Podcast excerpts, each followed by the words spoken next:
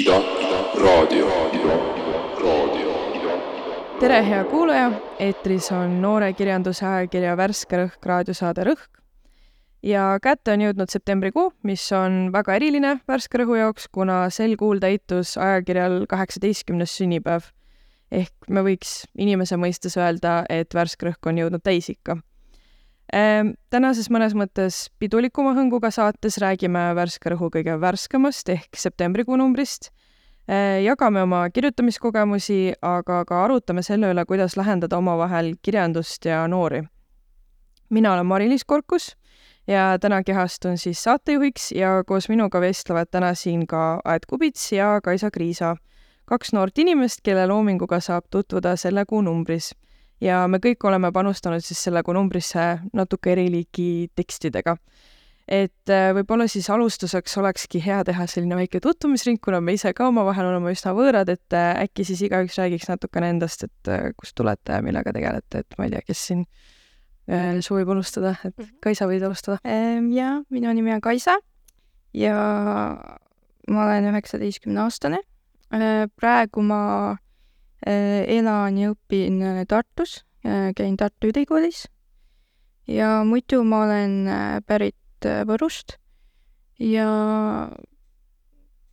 ma ei teagi, mis sa õpid ülikoolis? ma õpin äh, inglise keelt ja kirjandust mm. -hmm. nii, tere, mina olen Aet.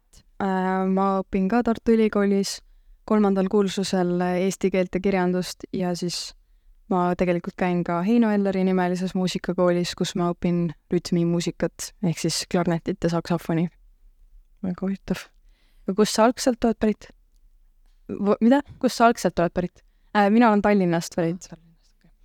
et erinevad piirkonnad äh,. mina olen Ida-Virumaalt pärit siis äh, teisest otsast ja ma olen siis ka Tartu Ülikoolis praegu õpin, aga doktorantuuris ka siis keeleteadust, et äh, jah, põhiliselt siis tegelen sellega äh,.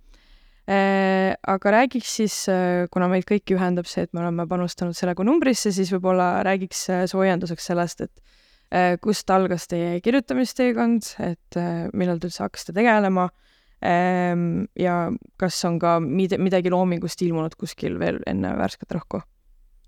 mina alustasin oma kirjanikupõlve täitsa lapsena, kui ma kirjutasin, meil oli kodus suur lauaarvuti, kuhu ma kirjutasin enda üllitisi ja mingeid igasuguseid pisikesi jutte loomadest ja lindudest. aga äh, üldiselt äh, avaldanud ma liiga palju ei ole äh,, et äh, see hirm nagu avaldamise ees kasvab, mida rohkem ma õpin ja loen ise. aga ma olen äh, teinud paari väikest kaastööd ERR-i kultuuriportaali ja siis ka mõned äh, nagu muusikateemalised äh, kaastööd Päevalehte ja siis ajakirja Muusika mm. -hmm. Aga kust sa selle julguse leidsid, et värskesse rõhku lõpuks saata?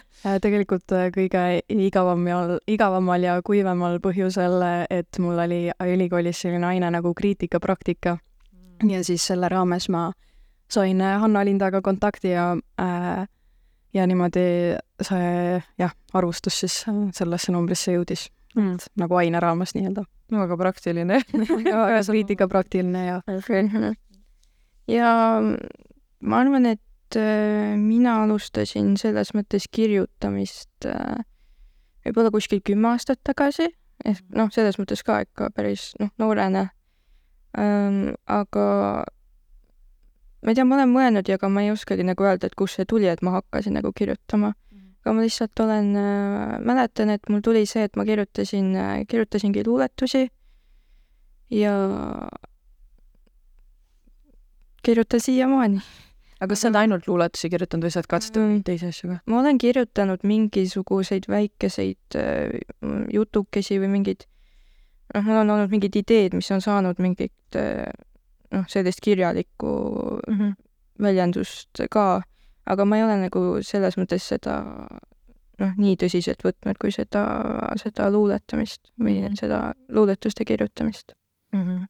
okei okay,, väga huvitav äh,. ma ise olen, ma arvan ka siis suht noorelt või no mitte suht noorelt, ma arvan, ma katsetasin kindlasti kuskil mingi lapsena midagi, mingeid jutukesi kirjutada, aga need ei olnud head.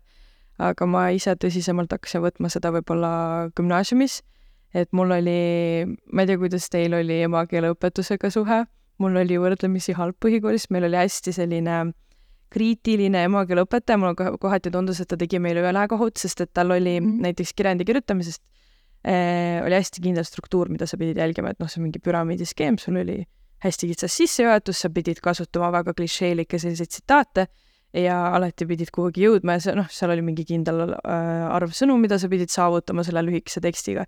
aga kuna sulle antakse nii ranged piirid ette, siis sa hakkad kuidagi äh, manduma ära selles protsessis ja sa ei taha rohkem lihtsalt kirjutada ähm,. aga kuna ta oli minu suhtes nii kriitiline, siis mul tekkis kuidagi see vastupidine efekt, et ma tahtsin nagu tõestada talle, et noh, ma saan õppida kirjutamist ja siis äh, jälle noh, me oleme nüüd natuke erinevatest äh, põlvkondadest võib-olla, aga minu ajal oli hästi palju selliseid kirjandivõistluseid, et siis ma hakkasin nagu sinna kirjutama ja sain hästi palju tagasisidet ja selle kaudu kuidagi kujundasin välja, aga mul järgnes pikk paus peale keskkooli, kus ma lihtsalt ei kirjutanudki midagi. aga põhiliselt siis esseistikaga. aga kui te mõtlete enda peale, et kas teil on ka kujunenud välja mingi kindel selline stiil, mis on omane teie kir-, nagu kirjutamisele, et äh, mingi käekiri või, või midagi, mis teile väga meeldib kirjutades teha? Äh, no sa siin mainisid äh, akadeemilist kirjutamist ja haridust selles osas, et ma arvan, et mul on ka üks taak päris tugevalt sees, seesama, see akadeemiline arutlev kirjand või, või noh, mida siis tegelikult ju nii põhikoolis kui ka gümnaasiumis juurutatakse ja, ja noh, samamoodi ka ülikoolis, et sa ikkagi tahad olla selle raami sees või noh, sa pead olema Mm. selle raami sees, aga ma arvan, et see on hea äh, tegelikult, et noh, sa peadki alguses saama need reeglid käppa, et siis neid hiljem rikkuda. Aga, aga jah, et äh, kirjutajana ma ise veel koban seda oma stiili. Äh, küllaltki kuiv kohati, aga ma üritan leida oma häält üles selles vallas, ma arvan, lihtsalt sa peadki kätt harjutama hästi palju, kui äh, noh, kirjutajana siis, et kas või mingit päevikurutiini nagu hoida sees, et sa harjud, harjud pliiatsi hoidmisega ja, ja igapäevaselt mingi teatud aja, eks ju. et, äh, et jah, et see nagu kõik tuleb harjutamisega.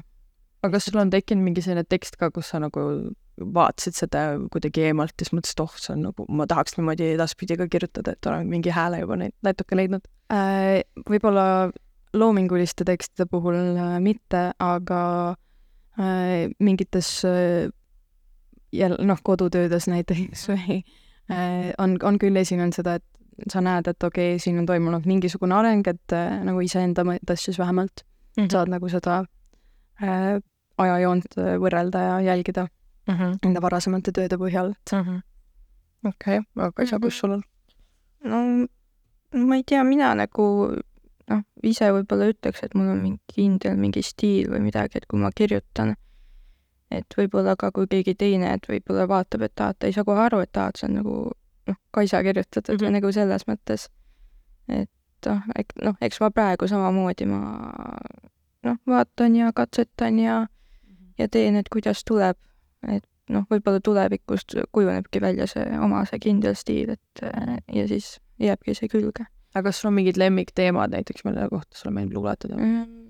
midagi taolist Äh, mul on väga palju kirjutan äh, näiteks loodusest uh? -huh. äh, või, või tunnetest, mis inimestega on seotud.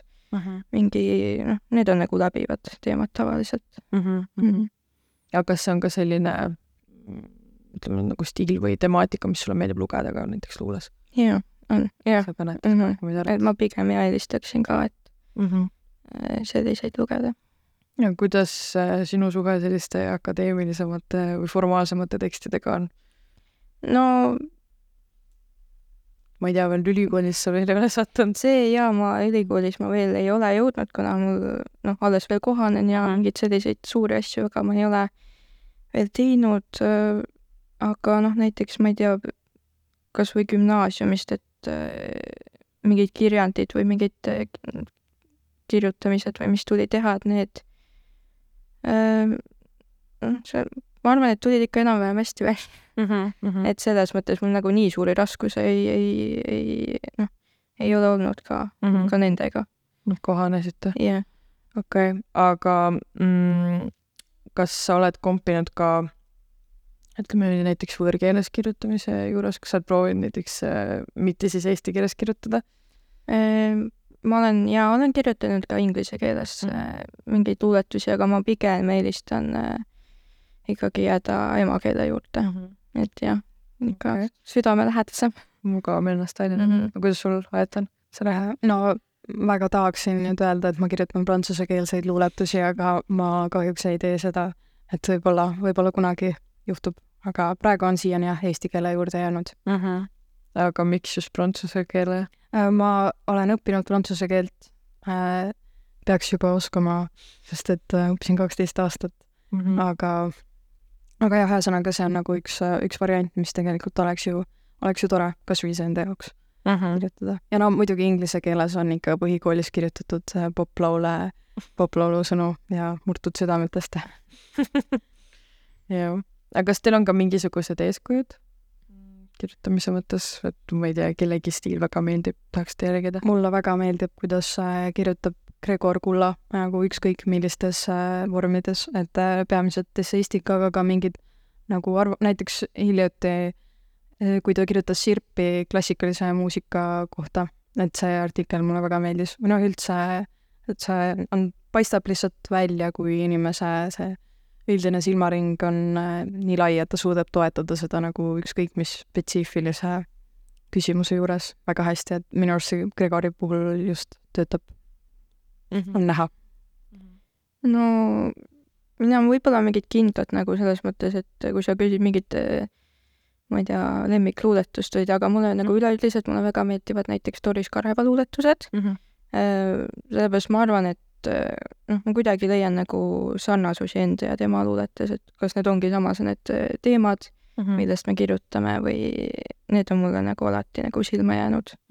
aga kas sa mäletad, millal sa esimest korda puutusid üldse kokku Doriska? no ilmselt koolis, kui, kui äh, võib-olla põhikoolis juba, kui oli mingi kirjandusõpikus või kuskil, noh, seal ikka, ikka leiab neid. et inspireeris. jah, aga mm, kui te mõtlete üldiselt sellele nagu tekstiloome protsessile, et kuidas see nagu olustik üldse on teie jaoks, et ka- kas teil on mingid rituaalid, et ma ei tea, kindel peab mingisugune keskkond olema, et te suudaksite produktiivselt toota tekste, et mul näiteks on niimoodi, et ma pean olema mürarikas kohas, et ma suudan kõige produktiivsemalt mingil imelikul kombel kirjutada kohvikus. Et kui ma sinna lähen, siis mul tuleb tekst, kui ma olen haudvaikses ruumis, mul ei tule. et kuidas teil on näiteks sellega no minul selles mõttes äh, mingit rituaali ei ole, mm? -hmm. mul on äh,, ma võin kirjutada või mul tulevad mingid ideed, ideed nagu täiesti ükskõik kus. Mm -hmm. ma võin, ma ei tea, noh, samamoodi kas olla koolis tunnis või, või lihtsalt, ma ei tea, enne magama minekut või mingi situatsioon on äh, mingi midagi uut, mida ma varem ei ole näinud või kus ma varem ei ole olnud ja mul lihtsalt tulevad äh, mingisugust, ma hakkan seda mingit seda olukorda või situatsiooni nagu oma peas kirjeldama niimoodi Mm -hmm. nagu ja siis ma pärast nagu panen selle kirja ja siis pärast noh, sellest näiteks saab luuletus, Mm. et äh, mul on jah niimoodi. aga kas sa paned kohe kirja, kui sul mingi idee tekib või sa kuidagi hoiad no kui mul ei ole nagu võimalust kohe panna, siis ma hoian seda meeles ja ma panen pärast, mm? -hmm. aga ma, kui ma saan, siis ma panen tavaliselt kohe ka. Mm -hmm. aga kuhu sa, sulle meeldib kirjutada telefoni, arvutisse, käsitsi, Mhm. paberile? Kõige rohkem ma eelistan käsitsi, aga noh, näiteks kui mul ongi, ma olen väljas kuskil, tuleb mingi idee, siis ma kirjutan selle telefoni Mhm.. aga tavaliselt ma kirjutan ikka, mul on eraldi see eh, kaustik, kus mul ongi, kirjutan mm. luuletused käsitsi ja mulle nagu meeldib see kõige rohkem, et ma saan oma käega kirjutada. see on nii väärtuslik, kuidas tulevatele põlvedele ka saab vaadata. et kuidas sinuga on? Äh, kui näiteks arvustuse kontekstist rääkida, siis äh, arvustuse kirjutamise kontekstis, siis äh, siis mainisid Mari-Liis kerarikkaid kohti, et mul on ka tihtipeale see, et kui ma kogen midagi, mis on a la teater, kino, muusika siis ma tihtipeale lähen bussi pärast seda, et sõita tagasi oma koju.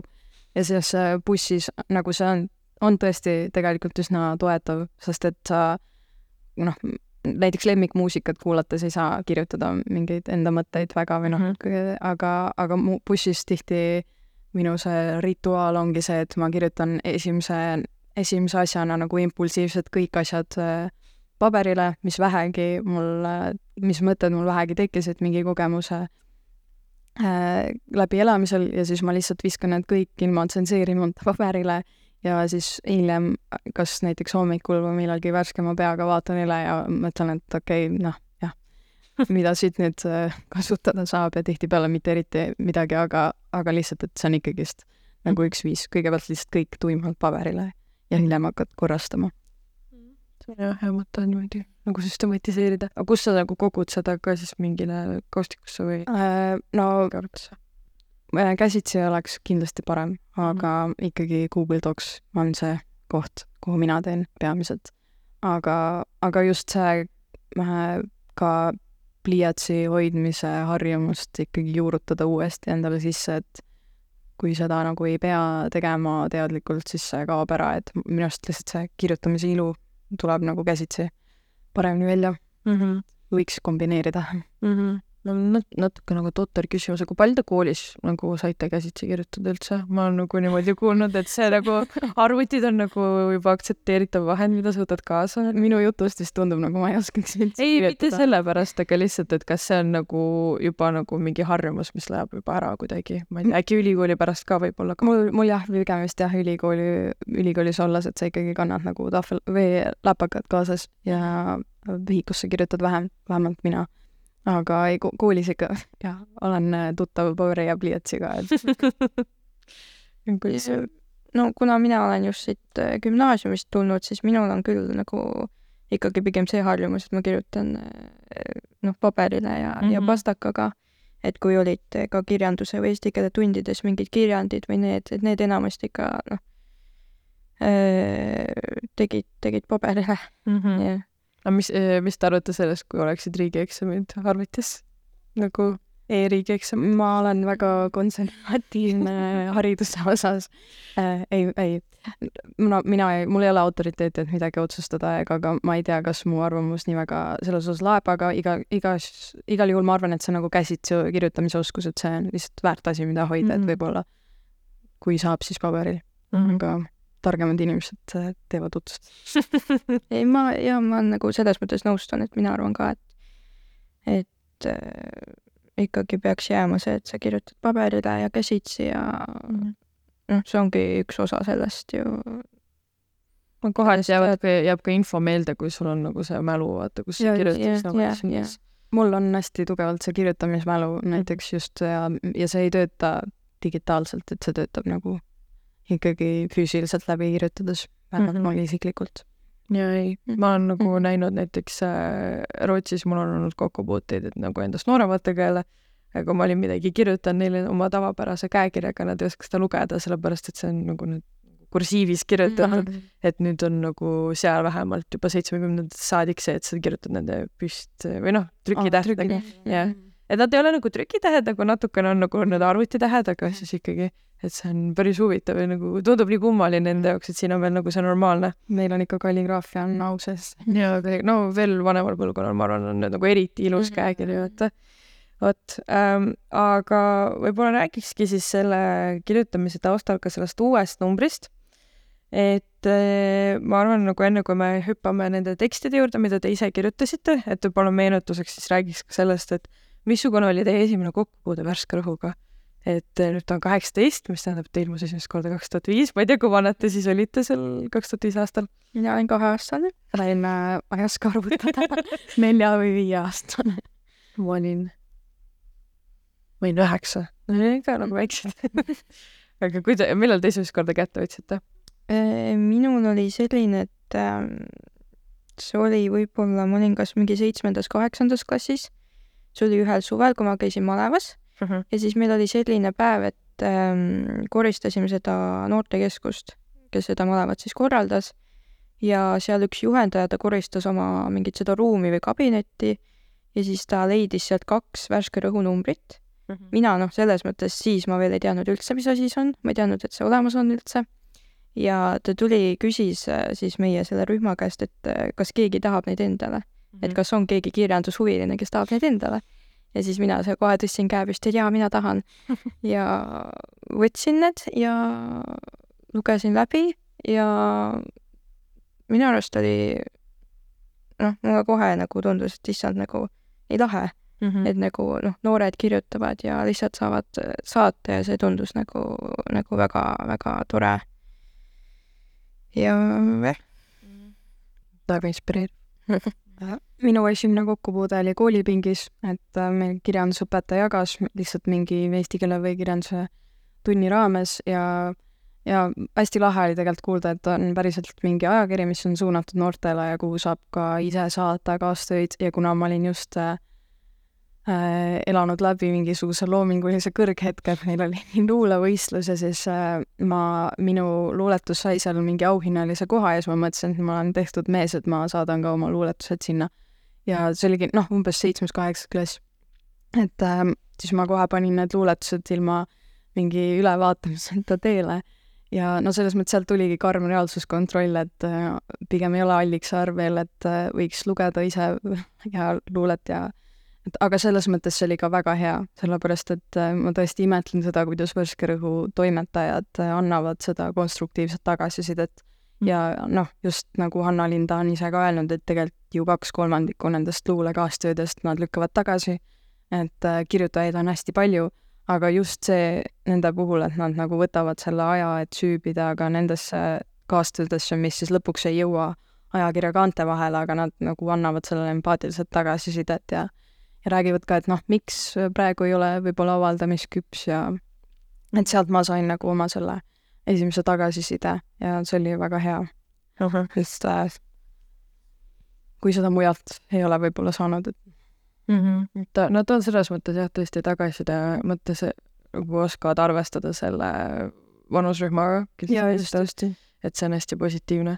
Et kui ma ise mõtlen enda peale, minul oli ka, ma arvan, ka kuskil kirjandustunnis ilmselt mingi, mingil hetkel me käsitlesime neid, aga ma mäletan nagu palju eredamalt seda, et ma vaatasin seda niimoodi mõtestatult läbi, kui ma astusin ülikooli sisse, siis me läksime sõbrannaga raamatukokku ja ma nüüd ei tea, kuidas praegu on näiteks äh, filoloogia erialadel sisseastumine, mina astusin omal ajal rootsi keelde ja kirjandusse, siis meil oli selline ühine sisseastumiseksam, kus oli veel eksplitsiitselt öeldud, et lugege läbi need konkreetsed ajakirjad, mm. et siis peate te neid arvustama, mingit teksti sealt ja siis saate niimoodi vaadata, kas saate sisse või mitte.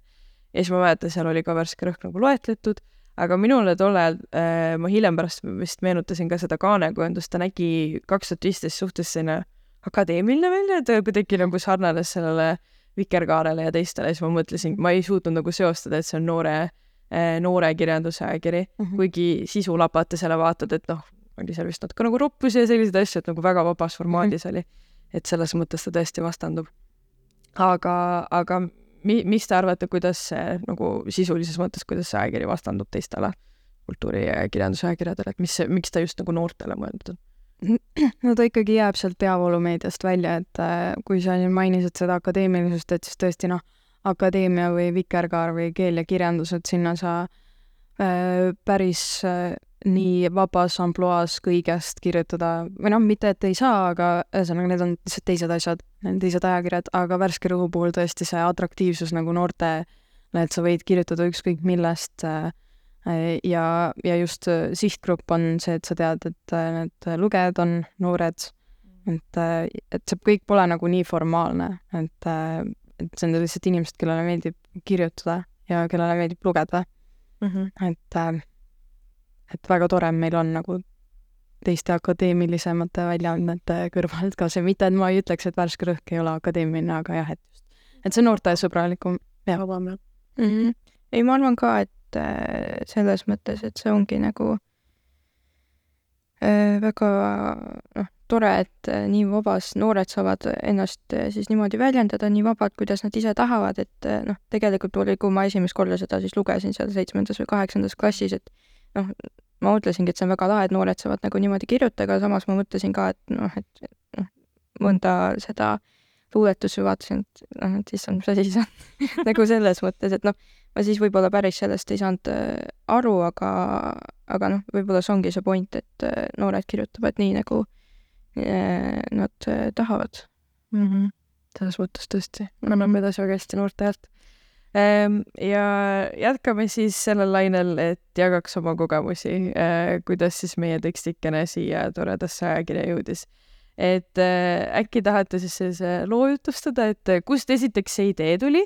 noh, Aet juba muidugi mainisid, aga ikkagi võib-olla selle teksti idee või siis luuletuste idee antud juhul, et kuidas teil kust see idee tuli, mida kirjutada ja kuidas see protsess välja nägi, et esitada? Kes tahab? Äh, no äh, minu idee tuli, kõigepealt ma väga, väga tahtsin lihtsalt süveneda ühte raamatusse, nagu tõsiselt süveneda, sest ma tundsin mingil perioodil, et et mul jääb kuidagi sellest süvenemisest vajaka ja see oli nagu hea, hea väljund. Ja Bernardin Evaristo raamatut Tüdruk, naine, keegi teine mina siis arvustasin, sellest raamatust ma olin kuulnud ka varem, äh, ta oli hulga preemiaid võitnud igal pool ja kuigi ta ilmus äh, kahe tuhande üheksateistkümnendal aast-, üheksateistkümnendal aastal jah, äh, juba siis ikkagi noh, eestikeelne tõlge tuli veidike hiljem ja oli nagu ajakohane ja Anna-Linda soovituste hulgas ka, siis Värske Rõhu peatoimetaja äh, soovituste hulgas ka mainis seda raamatut, et äh, kui ta andis, saatis nagu mulle mingi valiku, et mm -hmm. noh, mida ma tahaksin arvustada, ma vaatasin, noh, super, et see on juba, juba seal olemas. Ja, ja, et ja seda see arvustamine ka mulle andiski, et seda võimalust nagu süveneda hästi palju. talle eest ma olen väga tänulik. Kas sa oled äh, mingitel koolitustel ka käinud näiteks, kuidas arvustusi kirjutada või ainult ei, ei, äh, ei, mul ei ole mingit väljaõpet, et äh, et jah, see tekst sündiski suhteliselt lihtsalt tänu Handa, Anna-Linda enda abile. -hmm. et ma kirjutasin mingi osa valmis ja siis tema jällegi natuke toetas ja parandas ja siis äh, niimoodi nagu mustand mustand haaval äh,, mustandi haaval liikusime selle lõppversiooni poole, et mm, -hmm. et jah aga kui pikk eh, see ajakulu umbes oli sinu jaoks äh,? no ta oli ikkagi küllaltki pikk, aga noh, selles mõttes see süvenemine oli ka laiali jaotatud mingite, mingi perioodi peale, et nagu semestri peale nii-öelda.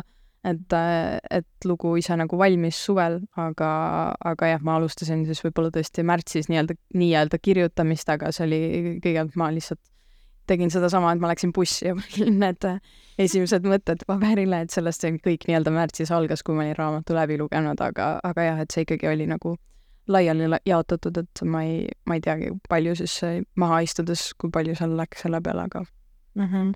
Ja sa lugesid selle raamatu eesti keeles läbi, on ju? jaa äh,, lugesin ka inglise keeles äh, või noh, kuulasin audioraamatut inglise keeles mm -hmm. pärast siis üle, ülekuulamiseks ja et seal selles mõttes olid äh, ma nüüd kaldun teemast kõrvale, aga äh, või noh, ma ei kaldu teemast kõrvale, see on ikkagi see raamat, aga ühesõnaga, et äh, inglisekeelse ja eestikeelse versiooni vahel on ikkagi märgatavad erinevused just nimelt selle keelelise poole pealt, et äh, kõik need dialektid, äh, mida Evaristo kasutab, et see on hästi-hästi rikkalik, mis Heili Sepp on muidugi head tööd teinud, aga jah, et need lihtsalt, neid ongi raske võib-olla eesti, eesti keelde edasi anda ja sellepärast ma tundsin, et on, on vaja nagu inglise keeles ka mm -hmm. läbi kuulata. ja see on hästi huvitav, et sa seal nagu keelelisele poolele tähelepanu juhtisid, et minu arust see oli hästi-hästi huvitav, et vahest ma olen, kui ma olen arvustusi näinud, siis arvustatakse seda kui sisu võib-olla rohkem kui seda mm -hmm. keelekasutust. aga mis selles mõttes nagu keelelise, kas oli mingid keelelised jooned, mis ei kandunud tõlkes edasi sinu arvates? no seda on nagu keeruline öelda minu poolt, sest ma ei ole otseselt keeleteadlane -hmm. ja ma ka ei ole Äh, täielikult tuttav nende igasuguste dialektidega, mida Evaristo, Evaristo siis nagu kasutas, et seal raamatus on hästi palju tegelasi, kes, kelle identiteet on siis nii-öelda kaksikidentiteet, et nad on tulnud kuskilt ja on läinud Suurbritanniasse elama, aga see kodumaise, näiteks mingi Nigeeria kõnepruuk, et see on ikkagi nende äh, inglise keele kasutuses siis sees, aga noh, kuidas siis täpselt äh,, ma ei oska sellele nagu hinnangut anda, et seal on kindlasti ka erinevaid variante, kas või selle nigeeria keele poolt endast, et äh, seal on mhm. kindlasti kümneid variante, kuidas siis need äh, sinna inglise keelde üle kanduvad, aga mm, -hmm. aga li lihtsalt jah, et eesti keelde võib olla raskem või no ka mingisse teise keelde ilmselt raskem siis nagu edasi anda jah, kindlasti tõlkes ikka nagu midagi ka paratamatult jääb kaduma. see võib olla paralleelne sellega, et kui keegi eesti venelane näiteks kannaks üle mingeid käändelõppe eesti keelde, et siis neid võib-olla on raskem tõlkida inglise keelde pärast edasi. nagu just seda, et näidata, kuidas siis see käändelõpp eesti keeles avaldub mm -hmm. nagu teis-, teisel kõnelejal kui emakeelel kõnelejal siis mm. -hmm. niisugune paralleel aitab mõista. Jah, see on päris hea võrdlus. kas sa tahaksid veel kunagi kirjutada arvustusajakirja, kas sul on juba plaanis midagi kirjutada äh,? värskesse rõhku äh,, ma ei tea, kui vastu võetakse, siis äh,, siis muidugi oleks suur au ja. aga kas sul on mingi raamat, mida sa kindlasti tahaksid arvustada, ma ei tea, oled pikalt juba mõelnud selle peale, aga äh,? Mm, arvustamise koha pealt ei, raamat, mida ma tahaksin väga lugeda, oleks Eumeniidid, aga ma arvan, sinna on tormijooks juba nii, kui sinna on just arvustusi juba kirjutatud ka selle kohta, aga mm. -hmm. ma, vabandust, ei ole nii hästi kursis, aga ühesõnaga jah, et äh, see on raamat, mida ma ootan, nagu mille lugemist ma ootan ja ma eeldan, et, äh, et kui ma jah, kui see mulle meeldiks, et siis ma tahaksin ka arvustust kirjutada mm. -hmm. aga mis teeb sinu arvates ühest arvustusest hea arvustuse? Et kuidas sa nagu vähemalt, mis sulle eeskujuks on või mõtled? no mulle meeldib, kui on inimese siiras vahetu va vaade sellele raamatule, et selles mõttes nagu klišeelikke asju on maailmas palju ja muidugi jällegi mina ei ole inimene ütlema, mis on hea ja halb arvustus, aga minu jaoks isiklikult jah, meeldib lihtsalt mingid sellised nagu hästi spetsiifilised ja lahedad vaatenurgad, mida autor nagu võib välja tuua mm. -hmm. et äh, ja kasvõi mingid paralleelid ka, mis tekivad, sest et meil kõigil on see nagu võrgustik oma peas erinev, et äh, me kõik loeme asju millegi erineva äh, põhjal, ehk siis me kõik oleme lugenud varasemalt va nagu erinevaid raamatuid või näinud erinevaid äh, kunsti, performance'e või mis iganes, et mm -hmm. meil on see erinev põhi, mille pealt me midagi omastame, uue, midagi uut omastame, ehk siis ehk siis selle põhjal on ka kõik arvustused erinevad mm. -hmm. et ja mulle lihtsalt meeldib see, kui tuuakse välja nagu mingi isiklik lahe niisugune, et mina ise võib-olla näiteks ei oleks seda niimoodi näinud mm. -hmm. aga jah. väga huvitav. aga kuidas sul sa, kuidas sinu teekond siia algas? selles mõttes minu teekond oli päris äh, lihtne. Äh, noh, kuna ma olen juba üsna pikalt siis teadnud, et üldse selline võimalus on olemas, et saata oma kirjutisi siia värskesse. Ma ütlen seda sellepärast, et näiteks hiljem, kui ma äh, peale saatmist, kui ma näiteks rääkisin sõpradele või, või perele, et äh, noh, ma saatsin sinna värskesse rõhku, siis kõik on nagu, kuhu sa saatsid, mis asi see on? et äh, noh, selles mõttes ja ja saatsin ära, saatsin äh, vist kokku kuus luuletust mm, -hmm. ma ei eksi mm. -hmm. ja selles mõttes, et jah, et siia nagu avaldati neli ja noh, selles mõttes see on ju tegelikult päris hea, kui mõelda niimoodi. Äh, äh, ja noh, ma ei tea, nendest luuletustest äh, siis mõned on kirjutatud näiteks varem juba, aga mõned ma tõesti kirjutasingi selle mõttega, et ma nüüd saadan nagu näiteks sinna värskesse rõhku mm.. milline nendest näiteks on? näiteks ähm, ilmast ilmus mm,? minu maailmas, mis ma tõesti kirjutasin selle mõttega, et ma nüüd saadan siia. jah, no see, ma siis selles mõttes nagu siis äh, ma ei tea, pingutasin ka, et oleks siis nagu kas sa kohatasid kuidagi seda jaa, mhm. selles mõttes jaa, näiteks samamoodi see augustikuu pärastlõunal, mis mhm. tegelikult vist sai, ma ei tea, mitmest nagu noh, nad võib-olla ei olnud eraldi luuletused, aga mitmest mingist, mingitest lausetest, mille nagu noh, mis siis pärast sai nagu kokku pandud nagu selles mõttes. jah ja kuidas sa valisid nendest olemasolevatest, mis sul olid, et mis lähevad? kas sul olid nad ka kuidagi nagu lemmikud või sa tundsid kuidagi, tahad jagada?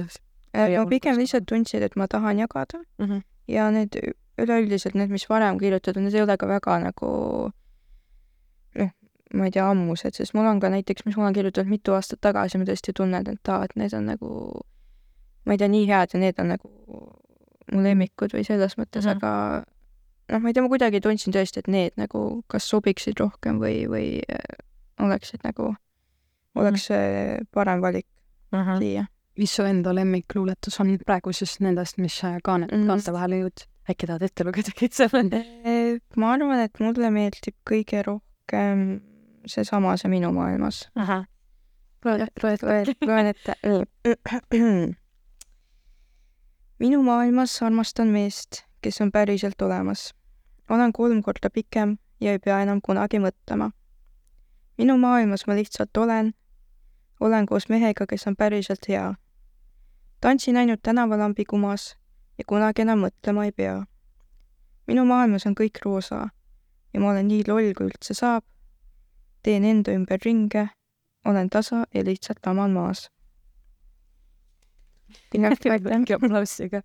kus sa inspiratsiooni ammutasid sellele? minu maailmas jaoks ähm, või kust mõte tuli see? see mõte lihtsalt noh, selles mõttes ongi, et mis ma tahaksin nagu tegelikult, mis, mis mu elu oleks, aga samas see ei ole ju väga noh, reaalne või realistlik, et ma unistad? jah, jah, et selles mõttes jah, et kas sammutasid Barbi filmist ka ei no see selles mõttes, et tegelikult ei, kuna see, ma kirjutasin seda palju varem mm, -hmm. kui ma üldse, kui see välja tuli ja kui ma üldse teadsin, et see tuleb välja. prohvet aga see, see, see minu maailmas on kõik roosa, see on lihtsalt sellepärast, et minu lemmikvärv on roosa mm. -hmm. ja noh, see tuli sellest, noh, näiteks mm. -hmm. et jah ei, see väga, väga mõnus. aga kuidas sul see toimetajaga suhtlus oli, kuidas sul see, see tagasiside? see oli, see oli väga tore, mul on väga ainult head sõnad öelda mm. -hmm.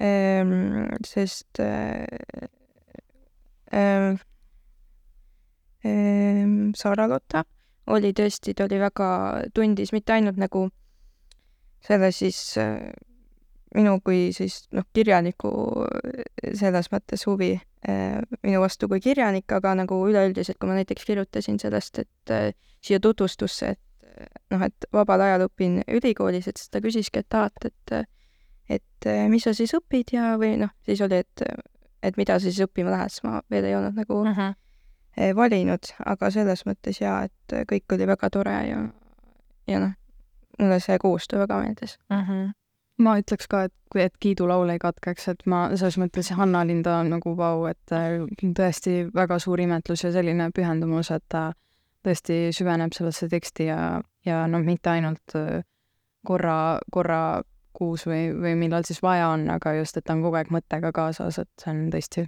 väga-väga austusväärne. ja vist kogenud ka jah, nad on ikka, võib, võib vist olla, öelda nii jah, küllaltki. Nii et kui sa oled nagu saanud äh, ise, võib-olla ka ise nagu kauem olla siin sees, siis umbes saad aru, kuidas tuleks suhelda selle, äh, selle sihtrühmaga. Ma võin siis enda omast ka rääkida, minu oma oli ma hakkasin enda oma kirjutama aprillis.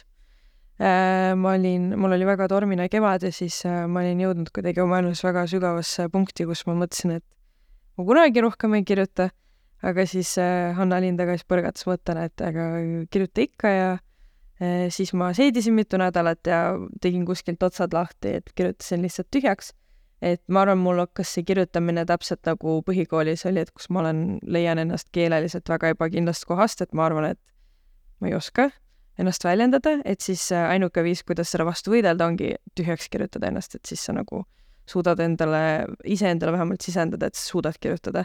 E, ja minu tekst oli algul jube pikk, ta oli kuidagi väga teistsugune alguses ja mul ei olnud südant seda kärpida ja siis ma mõtlesin, ma lihtsalt tõmban nagu mingid tükid sealt välja ja äh, niimoodi segmenteerin lõikudeks ära. aga äh, mulle äh, hästi meeldib selline stiil, kus sa natuke nagu krüptiliselt peidad mingeid vihjeid sinna sisse ka, et noh, mul on hästi palju põimitud siia mingeid eraelulisi asju.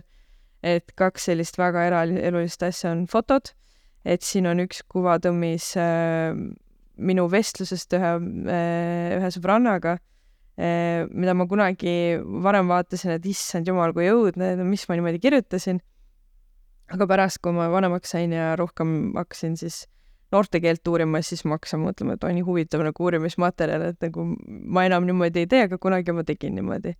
Ja siis teine foto, mis siin äh, natuke eespool on äh,, on ka siis selline huvitav hetkeline jäädvustus ka mingist ajast, kuidas ma kunagi kirjutasin, et äh, minu ajal ei olnud põhikoolis äh, neid nutitelefone või noh, nad olid, aga see oli luksuskaup ütleme nii, siis meil olid kõikidel nuputelefonid äh,, aga ma ei tea, kas te teate, mis asi on MSN?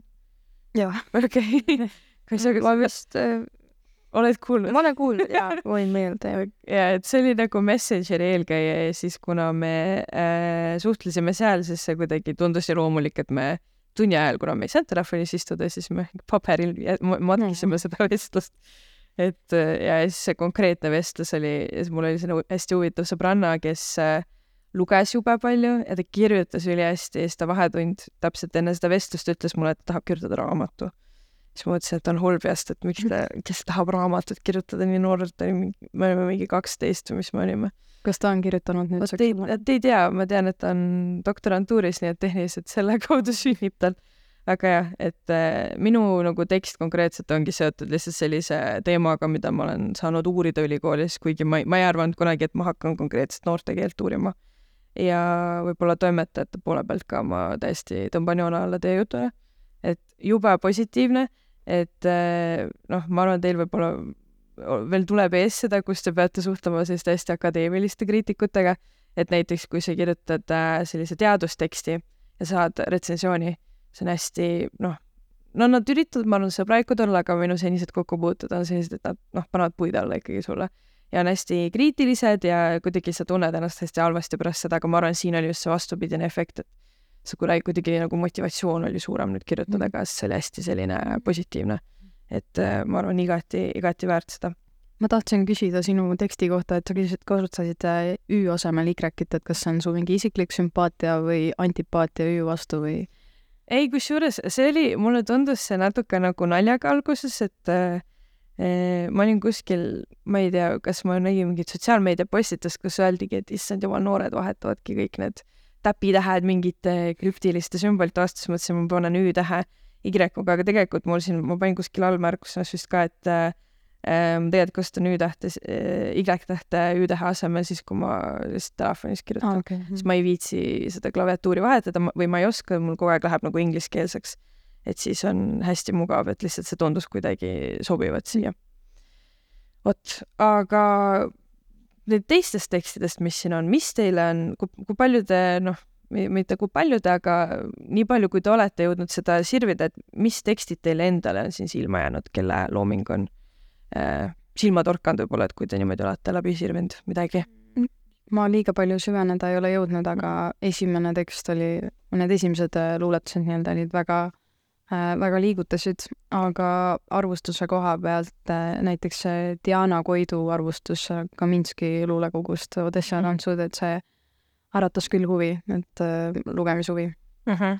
ja, ja oli palju vaimukaid äh,, vaimukaid teisi tekste ka, et mm Mhm. -hmm. kindlasti kavatsen süveneda rohkem peatselt noh, ta on väga värskelt ilmunud mm. Mhm. ma tõmbaks ka joone alla sellele mm,, nendele esimestele luuletustele, et selline väga väga teistsugune võib-olla piirkond ja olustik võib-olla ei ole nagu võimalik nii hästi suhestuda selle olustikuga praegusel ajal või üldse Eesti kontekstis, aga äh, minu arust see, need Fatima luuletused olid väga liigutavad ja mulle hästi meeldis see, et olid ka märkused juurde lisatud, et äh, mis need tähendavad, et, et see suudaks nagu sellest aru saada. ja teine oli minu jaoks, oli vist kõige esimene asi, mida ma lugesin, oli äh, selle Kaspar Veega jutuke. Alguses ka tundus nagu maru põnev äh, ja siis äh, see lõpp oli vist selline väga ootamatu pööre, et ma ei ole temalt varem küll lugenud midagi, aga äh, aga kindlasti tahaks veel lugeda, et väga intrigeeriv oli igatahes tema jutuke. kuidas sul, Kaisa? no selles mõttes, ega mina ka ei ole väga jõudnud äh, seda äh, uut numbrit veel läbi vaadata, eri neid, eriti neid äh, pikemaid tekste, aga ma näiteks äh, lugesin selle esimese, see Stella Liiviku Mm -hmm. luuletuse läbi, mis tundus väga selline mm, natuke isegi selline südamelähedane või selline mm. -hmm. kuidagi. või siis äh, Gregor Mändmaa Mm. äh, luuletused, mis äh, samamoodi kõnetasid. Mm -hmm. mulle meeldib see värske rõhu päeviku formaat ka, et äh, see, selles numbris oli vist Jarmo Rehajat ka. päeviku, jah, just. päevikud on tõesti hästi põnev. see äh,, mul oli, see ei ole küll nüüd selle numbri oma, aga mulle nii jubedalt meeldis, kui maikuus äh, üks mu kursaõde kirjutas oma toimetaja kogemusest, siis oli ka hästi põnev jälgida seda. Jah, aga kui te mõtlete näiteks varasematele numbritele, kas teile praegu midagi meenus ka mõni, kas luuletus või tekst, mis ka niimoodi on meelde jäänud kuskilt otsast? või pigem? ma ei, ma ausõna ei ole sponsoreeritud, aga Gregor Kulla sealt, et tema luuletused on lahedad olnud. mm, võis äh, mingi äh, samamoodi oli mingi see päeviku formaadis, mida ma lugesin, mis tundus väga-väga selline, noh, muidu põnev lugeda Mhm. selles mõttes. aga ma ei mäleta seda autorit või, või mis üldse, mis numbrist see oli, ma lihtsalt sattusin seda, seda kuskilt lugema, aga jah. aga see Karin Alliku või Katrin Allik, tema kriitiku märkmed, mis nüüd oli juulikuu numbris, see oli ka hea lugemine. Ja kindlasti neid on, neid näiteid on veel palju. jah. No siin ongi see võlu, et sul on nagu hästi palju autoreid sageli panustavad ainult ühe korra ja siis äh, äh, ei jää võib-olla kohe nimi meelde, et see on hästi tore. aga äh, mis te sellest arvate, et noh, siin on nagu selline žanriline mitmekesisus, kas siin võiks mingi veel tekstižanr olla esindatud ajakirjas?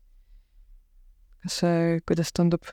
siin on meil luuletusi, meil on äh, päevikuid, meil on jutustusi, välgatusi, kõike. Aga kas on midagi, mis te tunnete, et võiks kui justkui nagu veel juures olla või praegu? ma hakkasin praegu mõtlema, et võiks olla midagi nagu mingi tekstianalüüs lauludele mm., näiteks mingi Eigu või Lonitseera lugude tekstianalüüs oleks päris lahe minu arust. et jah, seda laulusõnade temaatikat ka kaasata võib-olla rohkem. minu arust eelmisel kuul oli see, ah, issand, mul Nikolai Lutman vist oli mm. -hmm. arvustas Genka. aa ja, ja, ja, ja, See oli- ja, ja on juba tehtud.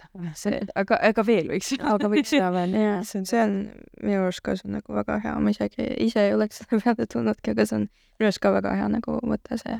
mm. -hmm. laulud on ka ju omamoodi nagu luulevorm ja täitsa on ja võiks kompida neid piire.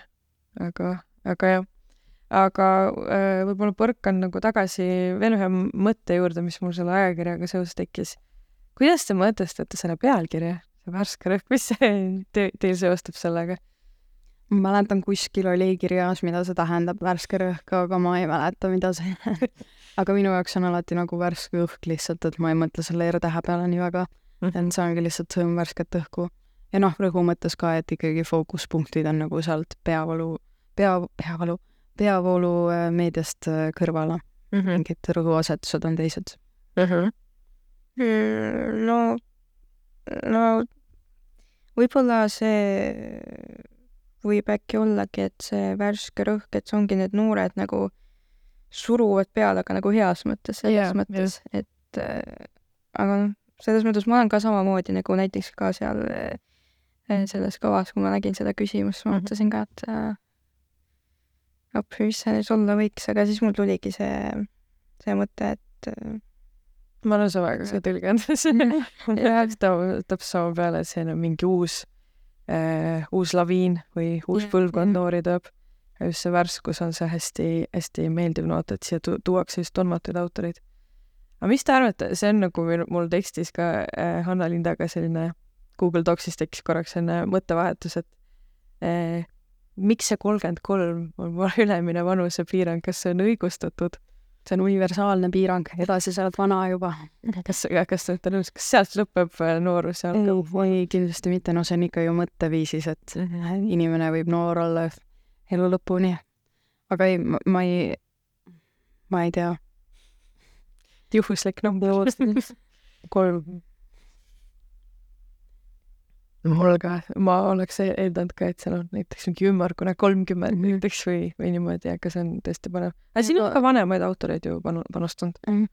mulle meeldib, kui on mingisugune täiesti X number, et äh, kui ma panen äratusi, siis ma panen ka, et kaksteist kolmkümmend neli või, või seitse kolmkümmend kaks kolmkümmend kolm on nagu ilus.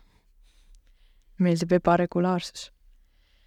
Aga oleme jõudnud siin rääkida oma kogemustest ja, ja ka värskest rõhust, et liiguks võib-olla siis äh, lõpetuseks sellise natuke laiema teema juurde ähm,. ma ei oska sellele head pealkirja panna, paneme ette noored ja kirjandus. et äh, kui te mõtlete enda peale, siis äh, kust teil tekkis lugemishuvi ja kas see, selle najal te oskaksite välja mõelda mingisuguse soovituse või, või mõttekillu, et kuidas võiks tänapäeva noortes üldse lugemishuvi äratada? Nagu oma kogemuse taustal. mulle isiklikult on see, et mu pere lihtsalt loeb hästi-hästi palju, et ma olen, tulen sellisest keskkonnast, kus ma olen nagu harjunud raamatuid nägema ja see on olnud nii loomulik osa mu elust, et ma ei ole mõelnud nagu mina, pigem oli see väiksem, et ma tahtsin nagu võimalikult kiiresti saada ka selle võlurelva kätte, et mm, -hmm. et ja, ja, ja noh, et ikkagi igavust peletada.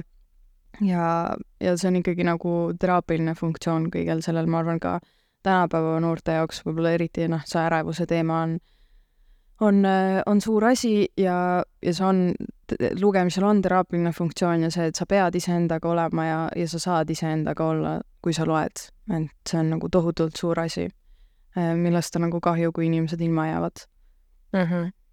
et tänapäeval ongi hästi probleemne, see nagu nähakse hästi sageli, ma just Arvamusfestivalil kuulsin ka sellist ühel paneeldiskussioonil, et äh, muretsetakse selle üle, mis nagu see sotsiaalmeedia ja nutiseadmed, mis mõju see nagu nende äh, keskendumisvõimele äh, avaldab, et, et kui sa oledki harjunud näiteks sirvima mingeid videosid, sul on, see on audiovisuaalne, sa ei loe ka enam juba, see on hästi kiire infokild, et kas see ka kuidagi mõjutab nagu sinu tarbimist või, või seda, kui kaua sa suudad keskenduda sellisele sisutihedale tekstile, et see on ka äh, omaette kindlasti probleem mingis mõttes.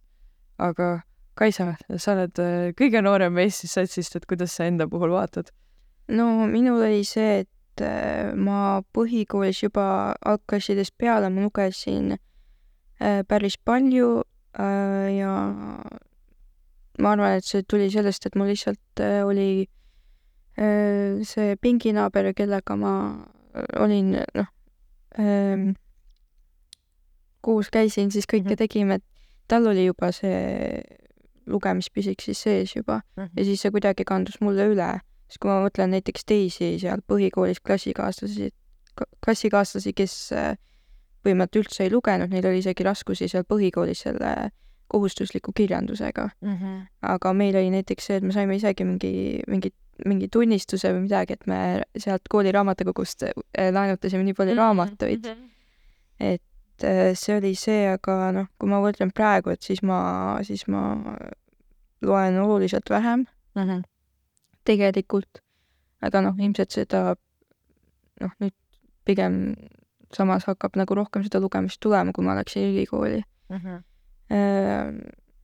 Ähm, aga ja, mille tõttu sa tunned, et see lugemus on nagu vähenenud sinu jaoks, kas nagu ka selline? no pigem ongi see, et äh, kui tulid need samamoodi need äh, telefonid ja kõik see, et mm -hmm. noh, pigem ma ei tea, seal scroll in Tiktokis, kui võtan mm -hmm. mingi raamatu ja loen mm. -hmm. et aga noh, samas vahepeal ikka, ikka on ju tore ja mõnus ju samamoodi kas ajaviiteks või, või silmi puhata lihtsalt sellest telefonist, et äh, noh, tegel-, tegelikult sa füüsilist raamatut, see, selle lugemine on nagu palju-palju parem, kui, kui telefonis mingit ekraani vaadata või mm, -hmm.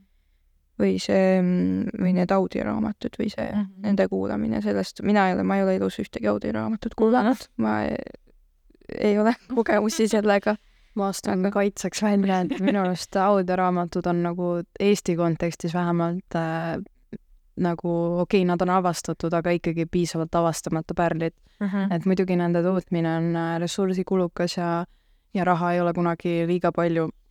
aga minu arust need on nagu super asjad, lihtsalt välismaal on neid nii, niivõrd palju, aga kui ongi, et näiteks inimestel paljudel on liikumismälu, et äh, kui sa saad klappidest kuulata ja leida selle aja kas või näiteks bussis või, või mida iganes, et see on, see on ülilahe asi minu arust, et ma ei ole ka e-raamatuid väga palju lugenud, aga audioraamatute poolt ma hääletan küll kahe käega.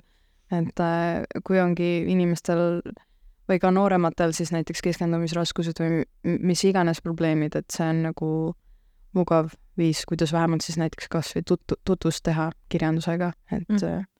et no podcast'i kultuur on muidugi, elab ja elujõuline, aga audioraamatute osas ma arvan, Eestis on veel, et äh, samme, suuri samme on, saab veel teha. ei ole väga palju audioraamatuid. liiga palju ei ole, et jah, nagu need, mis ühisvaras kuskil Keskraamatukogu lehel on, et äh, neid on väga vähe, et äh, kuulab mm -hmm. kuu aega ära kõik ja mm. -hmm. selles mõttes ma olen jah, ma oleks nõus ka, et see Äh, raamat on mingis mõttes nagu teraapiline lahendus või, või väljapääs võib-olla sellest infomürast, mida sa tegelikult saad ju mhm. telefoni äh,, telefoni sirvides. aga kas, mis te arvate sellest, kuidas sotsiaalmeediat saaks ka ära kasutada sellise äh, kirjandushuvi toitmiseks, et noh, meil on siin igasugust aare sotsiaalmeediast välja tulnud ja Tiktokiski on see BookToki Mhm, trend on ju, aga, aga eh, kas see annab nagu, kas see on hea selles mõttes, et kirjandushuvi tekitada või mitte? või ei ole Ma- vahet? ei, minu arust see on küll nagu selles mõttes on hea, et kui sa lähed isegi äh, praegu näiteks raamatupoodides, siis seal on, ongi juba see eraldi sektsioon, kus see noh, mis ongi, et TikTok soovitab või, või mis iganes seal äh, kirjutatud on. Aga noh, samas kui sa näedki, et näiteks äh, TikTokis äh, on mingid, on mingi raamat, mida noh, siis tutvustatakse või kirjeldatakse ja sulle see tundub huvitav, siis noh, miks mitte minna ja ma ei tea, laenutada või osta see raamat Mhm. ja siis äh, seda lugeda. et see nagu minu arust on nagu selles mõttes hea ju tegelikult tekitab huvi. jah, nagu Shield. jah, Nagu jah, jah. ma TikToki osas olen piisavalt dinosaurus, et ma ei oska selles osas nii palju kaasa rääkida. aga eks muidugi need TikTok soovitab asjad on nagu strateegiliselt ikka väga-väga hea koha peal raamatupoodides, et nad on enamasti kohe seal ukse juures ja ja no kui tõesti see pilku püüab, siis see on ju ainult hea, et kõiki asju, mida saab enda heaks ära kasutada, tuleb ära kasutada, et samamoodi sotsiaalmeediaga. et äh, kui vähegi võimalik raamatuid äh, propageerida, aga, aga jah, tähendab, ma lõpetan siinkohal. samas muidugi on see, et äh, TikTokis seal nagu äh, sa ei saa seda eestikeelset kirjandust, jah, et see on hästi välismaine. ja, ja no see muidugi. on, on ju neid, kes äh, teevad vähemalt Elisa mingitele e-raamatutele neid äh, promovideosid, et siis on küll äh, Tõnu Õnnepõllu tore on see reklaam, kuidas üks mingi vana tädi loeb kuskil galeriis või tähendab, kuulab mingit õudusjuttu ja ja siis helged skandinaavi-, skandinaavistlikult minimalistlik taust ja siis mingi kuulad, kuidas keegi loeb seal mõnda vere pritsimise kohta ja soovitan audioraamatute reklaam, võib-olla sellepärast need ei olegi nii populaarsed veel, aga peab nagu nihutama seda rohkem selle auditooriumi jah. aga ma lõpetuseks siis küsin hästi kähku ka, et eh, mis raamatut te praegu loete ja mis raamatut te tahaksite lugeda? võin esimesena siis öelda, et mina praegu loen äh, Diana Gabaldoni Outlanderit. ma olen nii suur fänn sellel sarjal, siis mõtlesin, et on aeg juba võtta need raamatud kätte e. ja ma väga-väga tahaks lugeda äh, Vahur Afanasjevi, Serafima ja Bogdani, ma olen nii palju head kuulnud, aga ma ei tea, kuidas ma ei ole veel selle läbi lugenud. kuidas teil on? Äh, mina hetkel ühtegi raamatut ei loe, aga ma kindlasti varsti võtan sammud raamatukogu poole, kuna mul lihtsalt kooli jaoks on vaja lugeda. Ja ma tahaksin äh, äh, sellist äh, äh, raamatut lugeda nagu, kui ma ei eksi, siis selle eestikeelne tõlge on Hommikupool Eedelit äh, sest noh, see on väga selles mõttes nagu tuntud ja, ja sellel on väga head arvustused ja ma arvan, et see oleks äh, äh, väga hea valik, mida siis lugeda. kindlasti vaheldust vaja ka koolikirjandusena. nii et. Ma just lõpetasin selle Achaga Loomingu raamatukogus ilmunud äh, Achaga Need taevad ja paralleelselt on pooleli ka see Catherine Beltoni Putin's People või eesti keeles oli jah, Putini inimesed. mm. -hmm. ja mis aga väga tahaksin lugeda Eumeniite, aga veel kogun hoogu. eks peagi jõuab. aga jah, see oli siis meie aeg, et tõmbame siis tänasele saatele joone alla e,. aitäh kuulamast, kes üldse kuulasid, aitäh e, Kaisa ja et ennast ma ei hakka tänama. aitäh, Mari-Liis. ja aitäh ja järgmise korrani ja äh, järgmine rõhk siis ma saan ka ette teatada, et ta jõuab eetrisse juba vähem kui kuu aja pärast, nii et äh, püsige lainel